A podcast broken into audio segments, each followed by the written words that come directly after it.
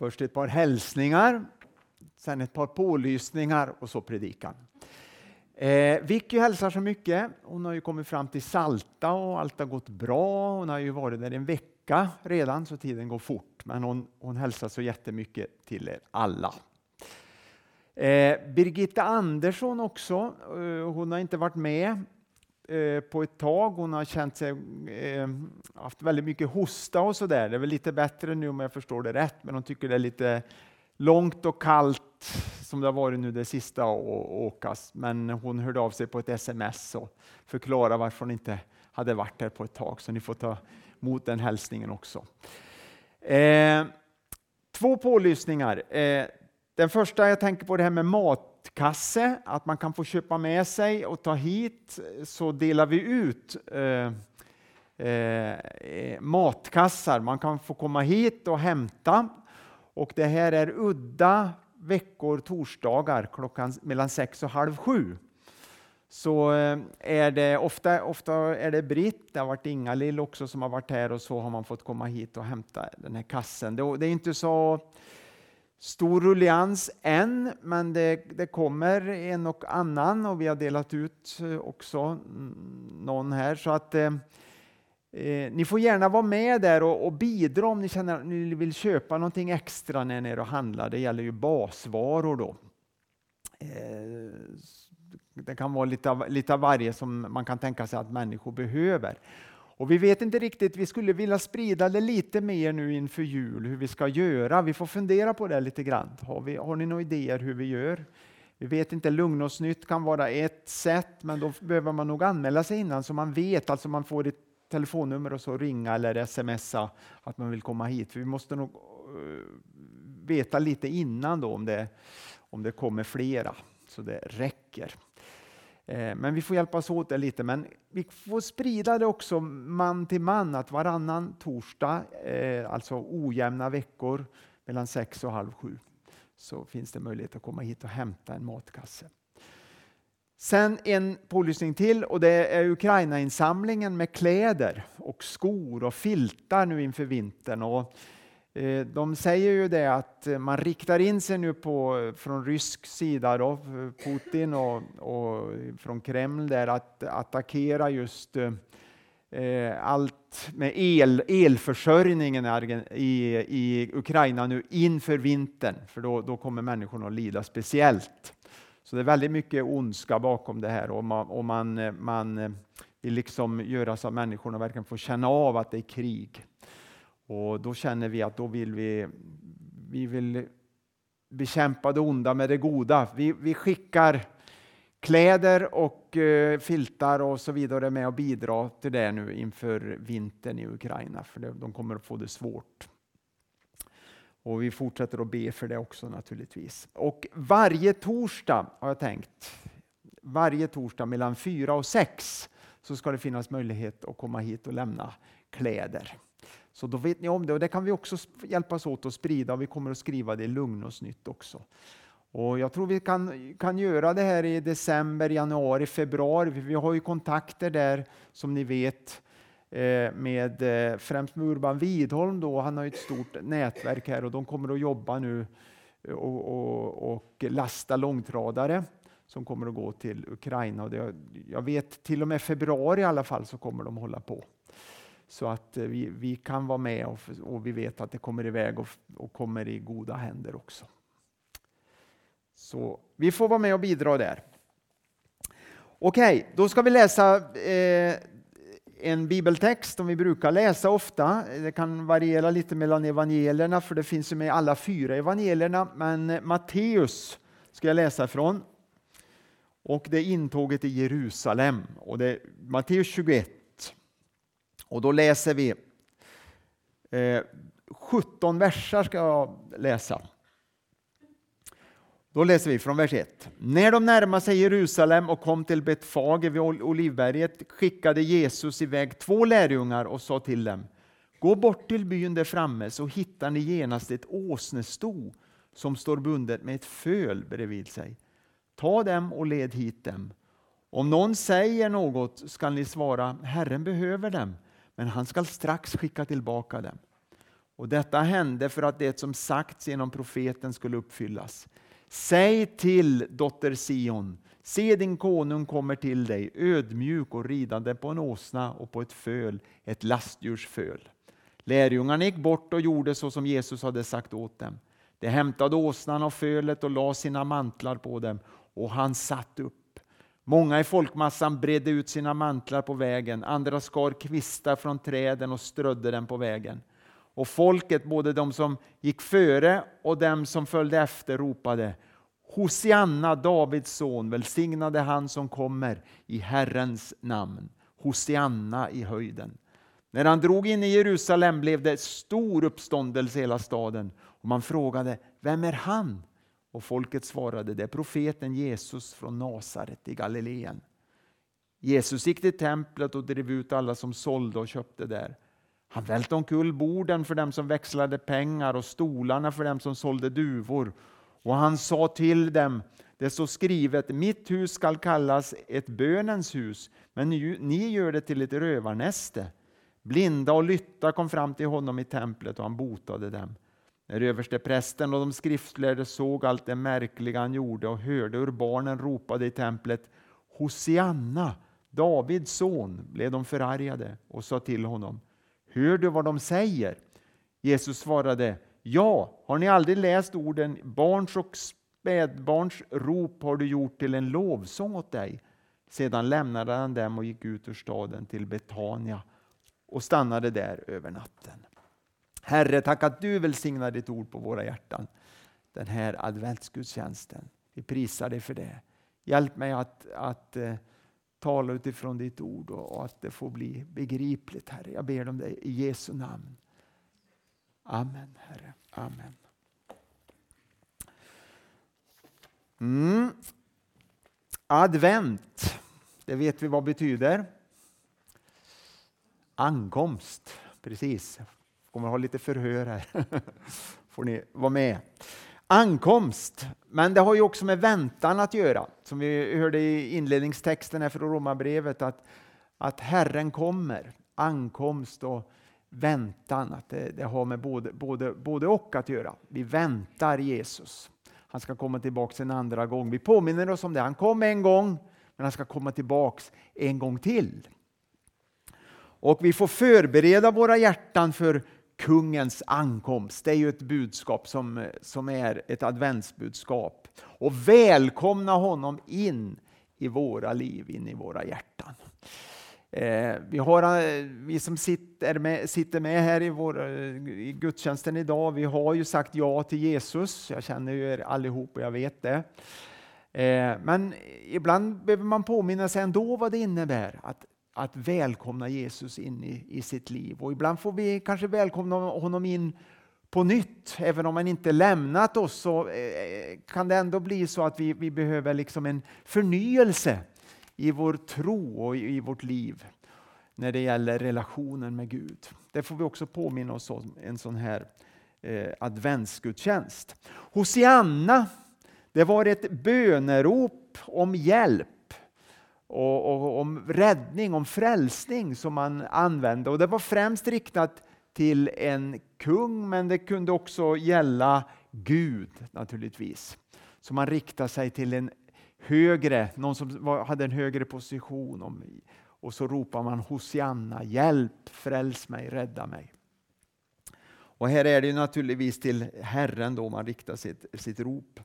Och så är det ett ord som återkommer, han som kommer i Herrens namn läser vi om här.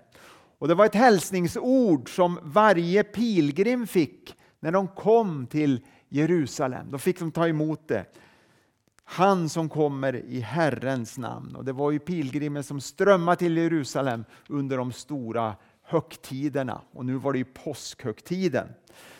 Det finns en historiker, eller det fanns en historiker, Eh, som heter Josefus Flavius. Han, han, var jude, han var inte kristen, men han skriver en del om, om, eh, om Jesus faktiskt. Eh, jag har en del notiser och sådär. man, man bygger mycket på, alltså när man, när man talar om, om att det finns utom bibliska eh, bevis för Bibelns berättelser. Då använder man ofta Josefus Flavius och det finns andra också som har skrivit om Jesus, om händelserna här runt omkring som, som vi läser om i Bibeln.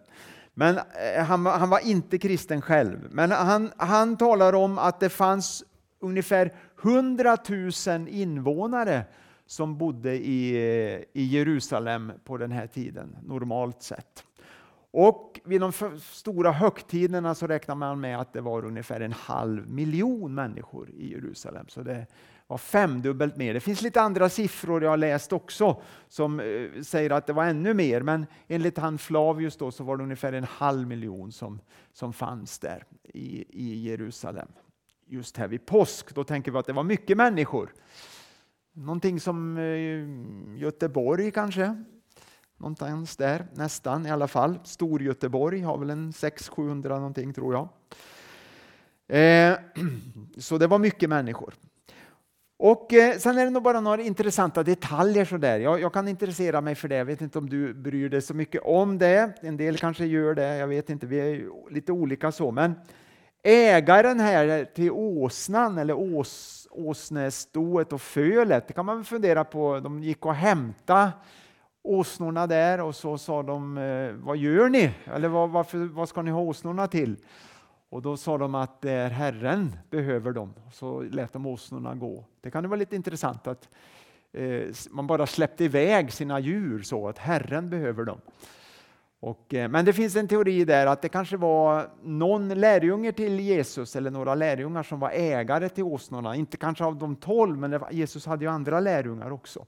Så de visste vem, naturligtvis vem Jesus var, vem Herren var och de, de lät åsnorna gå. Det är bara en liten detalj här. Och sen när vi läser i vers 10 att det blev liksom uppståndelse här i, hela stan. Så det finns lite naturligtvis olika bibelöversättningar. Det blev upp, eh, stor uppståndelse i hela stan. Så finns det lite olika översättningar av just den versen och som visar hur, hur människor reagerade, vilken, vilken eh, uppståndelse det blev. Och en bibelöversättning säger så här att det gick en stöt genom hela staden. En stöt genom hela staden när Jesus rider in i Jerusalem. En annan eh, bibelöversättning talar om att de blev vilda av upphetsning, människorna i Jerusalem, när Jesus kommer. Så det var liksom inget sådär allmänt eh, sål eller, eller, eller, lite, lite brus sådär, utan det blev verkligen eh, stor, omvälvande känslor och stor, verkligen en stor uppståndelse i stan när Jesus kommer där. Och han hade ju en grupp med sig som kände igen honom från Galileen och så möts de av andra människor också eh, som undrar vem han är och då talar de om att det är Jesus från Nasaret. där. Några punkter jag tänkte på här. Tiden är inne här. Jesus han bekänner sig som kung. Nu är det dags. Jesus verkligen visar, vill visa vem han är. Och så för det första då att Jesus gjorde anspråk på att vara Messias genom att uppfylla profetian som står om i Sakaria 9 och 9. Se den konung kommer ridande på en åsna. Det är ju Sakaria 9 och 9 man läser om det som är skriven ungefär 500 år före det händer här. Sakaria är ju den näst sista boken i Gamla testamentet. Sen är det ju Malaki. Men Sakaria talar om det här och Jesus uppfyller profetian. Det är ju hela tiden så att Jesus uppfyller profetior. Det är viktigt. Det går liksom en röd tråd där genom Gamla testamentet och så in i Nya testamentet. Och det följer hela tiden den här tråden. Så profetiorna är väldigt viktiga. Det, det Matteus skriver om här och de andra evangelierna också, när de refererar till Sakaria så tar de inte riktigt med allt Sakaria skriver. De gör inte det, de plockar ut lite grann. De talar inte om att han kommer segerrik och rättfärdig. Det tar de inte med, de tar med den här att han kommer ödmjuk och fattig. Det är den biten de, de plockar ut. Och det kan vara intressant. Det finns säkert en del förklaringar till det, men vi ska inte gå in på det här. Men, men eh, Jesus ville bli känd som Messias när han kommer här. Inte bara som profet. Han skulle troligen ha överlevt. Det skulle inte blivit någon korsfästelse om han kom som profet och sa att han bara var profet. Men han talar ju om sig själv som Messias, som, som eh, Guds son, som Gud själv. Det är därför han möter korsdöden strax efter. Sen går han in i templet och rensar det och där citerar han psalm 8 och 3 faktiskt inne i templet. Och eh, barnen där inne i templet, de ropar Hosianna, David son. Och de religiösa ledarna de blir upprörda. Hör du inte vad de säger? Hör du inte vad de ropar? Du får tysta dem eller hindra dem från det. Men då säger Jesus i vers 16 som vi läste alldeles nyss i Matteus 21. Hör du vad de säger? Jesus svarade ja, har ni aldrig läst orden barns och spädbarns rop har du gjort till en lovsång till dig. Och det är citat från Saltaren då. Och här verkar det som att de vuxna har tystnat. Det är barnen här som tar vid och ropar och man vet inte, man kan fundera varför. En teori kan ju vara att de inte vågade helt enkelt, de vuxna inne i templet. Det var liksom för känsligt område där att ropa. Eh, Eh, Hosianna, Davids son. Men barnen, det var ingenting som hindrade dem, utan de ropade frimodigt inne i templet också. För det andra så knöt Jesus an till historien här som judarna var väl bekanta med. Judarna associerade Jesus gjorde att han kommer inridande här i eh, Jerusalem som en eh, Eh, som Messias, som Herre, som en, eh, som en kung. De associerade tillbaks till sin historia. Eh, till exempel så står det i Gamla testamentet i Andra Kungaboken 9 och 13 om när Jehu hade smorts till kung av Elisa, profeten. Och då står det så här. När, när eh, hans närmaste fick veta att han var smort till kung står det Genast tog alla sina mantlar och bredde ut framför honom på trappan och det stötte i horn och ropade Jehu är konung. Det kan du läsa i Andra Konungaboken 9 och 13. Långt tillbaks i Gamla testamentet, kanske en 800-900 år tidigare här. Sen 150 år tidigare berättas det också, det står inte i Bibeln så, men det är ju så att eh, eh jag sa nyss att Sakaria och Malaki avslutar ju Gamla testamentet. Och sen går det ett antal år som det inte finns någonting i Bibeln alltså berättat. Hur många år är det ungefär? Nu kommer en fråga här, ska vi se om ni... 400 år, ja. Precis, det stämmer. 400 år. Och man brukar tala om de 400 tysta åren. Och Det är lite intressant. Det var inga, inga, ingenting som finns i Bibeln berättat från den tiden. 400 år. Sen kommer Jesus, föds Jesus. Eh, men det hände ju ändå mycket under de där 400 åren och det finns apokryfiska böcker. En del är lite spektakulära sådär, men de gamla testamentliga apokryfiska böckerna, det mesta är nog ganska är nog trovärdigt och så, har historiskt värde. Man brukar tänka så här, nu talar jag om de gamla testamentliga, inte nytestamentliga apokryfiska böcker, för de är väldigt långt borta från Bibelns budskap Men i Gamla testamentet. Det är, många menar att det är bra, god läsning. Jag tror det var Levi Petrus som sa så också, till och med, att det, det, är bra läsning, det är nyttig läsning, men de är inte inspirerade av Gud. Och så räknar man nog mycket, i alla fall i, i våran tradition som vi, vi står i som eh, kristna, då, att apokryfiska böckerna inte inspirerade på samma sätt som Bibeln, men de har ett historiskt värde. Och där finns det berättelser också. Bland annat står det om eh, en man som hette Simon Maccabeus. De här Maccabeus-släkterna de eh, stred ju mot ockupationsmakten. Det var judar då. De stred mot ah, ockupationsmakten Och då 150 år innan Jesus rider in i Jerusalem, här, det är alltså under den här tysta tiden då, som inte står om i Bibeln. Då viftas det med palmkvistar då den här ledaren för Maccabeerna, Simon Maccabeus, kommer in i Jerusalem med segertåg. Det är ganska intressant. Och Judarna kände ju till sin historia, de visste ju om det här, så de knöt an till vad som hade hänt 150 år tidigare, men också vad som hade hänt i Gamla Testamentet längre tillbaks, det här när vi läste om Jehu här. Så det var liksom inte, inget helt nytt. Och det är intressant, det Jesus gör, det liksom finns hela tiden anknytningspunkter tillbaks i historien. Det tredje jag tänkte på det är att profeterna illustrerade, illustrerade ofta sina budskap. Det ser vi i Gamla Testamentet. Det var inte bara ord, det var det ju ibland också, eller ofta också, men många gånger illustrerade de med gärningar. De gjorde saker för att visa på budskapet. Och att dramatisera var vanligt i Gamla Testamentet. Drama. Tänker på de olika profeterna. Hesekiel, Jeremia, vi kan inte ta många exempel, Hosea. Ibland är det starkare än ord att visa med sina gärningar. Och det här att Jesus red på en åsna, det var ju ett sätt för att dramatisera, att visa genom gärningar, illustrera sitt budskap. Åsnan, det står ju för fred, att man kom i fredliga avsikter.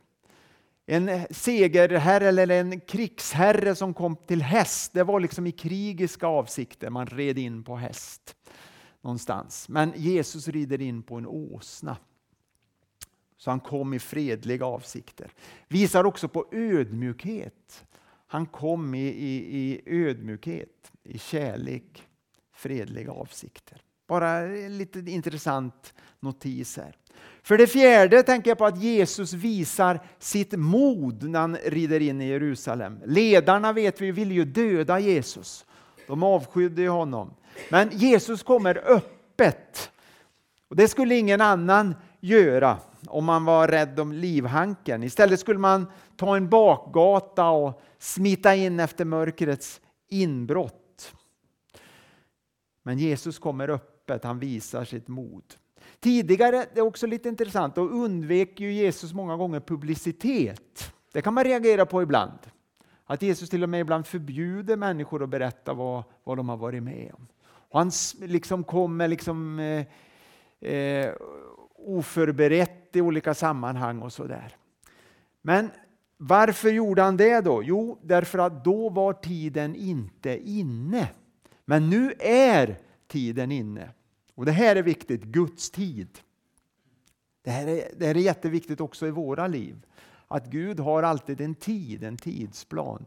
När tiden är inne, när tiden är inne, då träder Jesus fram. När tiden är inne. Det är någonting som återkommer också i, i hela Bibelns budskap. När tiden är inne. Så är det också i våra liv och i vår personliga relation med Gud många gånger. Att när tiden är inne, då händer det. Och när inte tiden är inne, då får vi vänta. Så Det här är, det här är också någonting viktigt man kan lära sig här.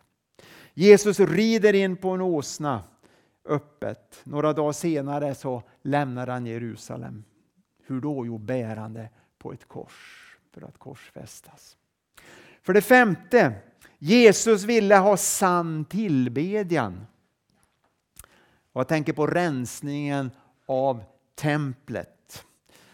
Han går in och rensar templet. Han blir upprörd när han ser att man gör, eh, har business och, och affärer inne i templet och det är väldigt förvärldsligat och orenat.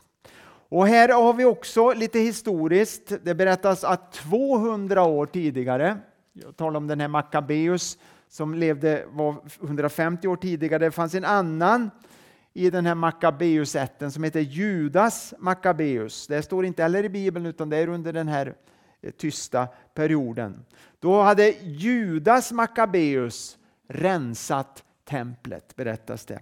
På grund av den syriske regenten Antiochus Epifanes. Han hade vanhelgat templet i Jerusalem, Guds tempel genom att där dyrka den grekiske guden Zeus inne i templet. Ni kan förstå hur judarna reagerar mot det. Och till råga på allt så hade han till och med offrat svinkött på altaret. Svinet var ju ett orent djur. För att riktigt förnedra judarna.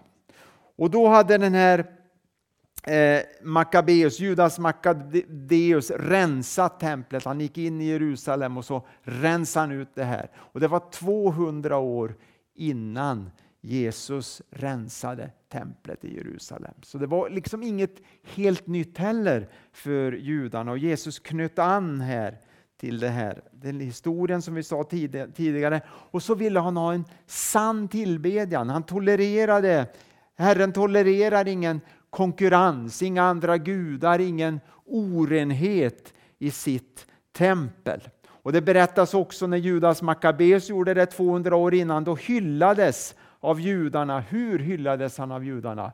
Jo, med sång och viftande med vad då tror ni? Palmkvistar. Det är intressant, kan man läsa om då i historien. Och det gjorde ju judarna också här när Jesus rider in i Jerusalem. Och Det är lite intressant också att evangelierna talar ju om det här att Jesus rensade templet. Men det finns en berättelse som skiljer sig lite, ett evangelium och det är Johannes som har med den här, en berättelse att Jesus rensar templet i början, en annan, vid ett annat tillfälle, en annan påsk. Det är inte sista påsken. Och Man tror det, att det är nog så att han gjorde det två gånger antagligen, rensade han templet. Så Matteus, Markus och Lukas beskriver det en gång och Johannes en annan gång. Så två, vid två tillfällen så rensar Jesus templet. Och vad är templet idag? Vad kan man lära sig av det? Jo, templet är ju du och jag idag. Vi behöver inget tempel i Jerusalem så, även om det är, det är viktigt naturligtvis för judarna och i det profetiska så, men, men i skeendet. Men jag tänker för Guds församling idag så behöver vi inga tempel på det viset, byggnader, utan det är du och jag som är templet. Och Jesus han vill rensa templet och, och det är viktigt att han får göra det också. Och Det kan behövas många gånger även i mitt liv att det här templet, jag, rensas och renas. Att den helige Ande får arbeta i mitt liv. Och Det behövs gång på gång i våra liv också. Även om vi är Jesu lärjungar och kristna så behöver vi överlåta oss på nytt. Och på nytt. Inte det här att man går och känner sig dålig och syndig och aldrig tillräcklig. Det är inte det jag talar om. Men det behövs en, en, en förnyelse ständigt i våra liv. Vi behöver leva i det och ibland kommer vi till punkter i våra liv då vi behöver be Gud att rensa mig på nytt, rena mig på nytt, förnya mig på nytt, förvandla mig på nytt. Även om jag är ett Guds barn. Det är inte så att jag inte är Guds barn längre utan jag är fortfarande ett Guds barn men jag behöver förnyelse i mitt liv. Till sist innan jag säger amen, det sjätte och sista. Jesus vill vara Herre och konung i människornas liv. Det förstår vi ju när vi läser hela, eh, allt i, Bibeln om Jesus, men i synnerhet här också då, när Jesus kommer inridande i Jerusalem. Och han är inte ute efter någon mänsklig titel eller position, det är han inte. Idag och även på den här tiden så, så hos somliga är han bara en profet. Jesus är en profet, inget mer. Hos andra är Jesus en viktig förebild. Det skulle nog de allra flesta människor hålla med om. Det är ytterst få som säger att Jesus inte var bra.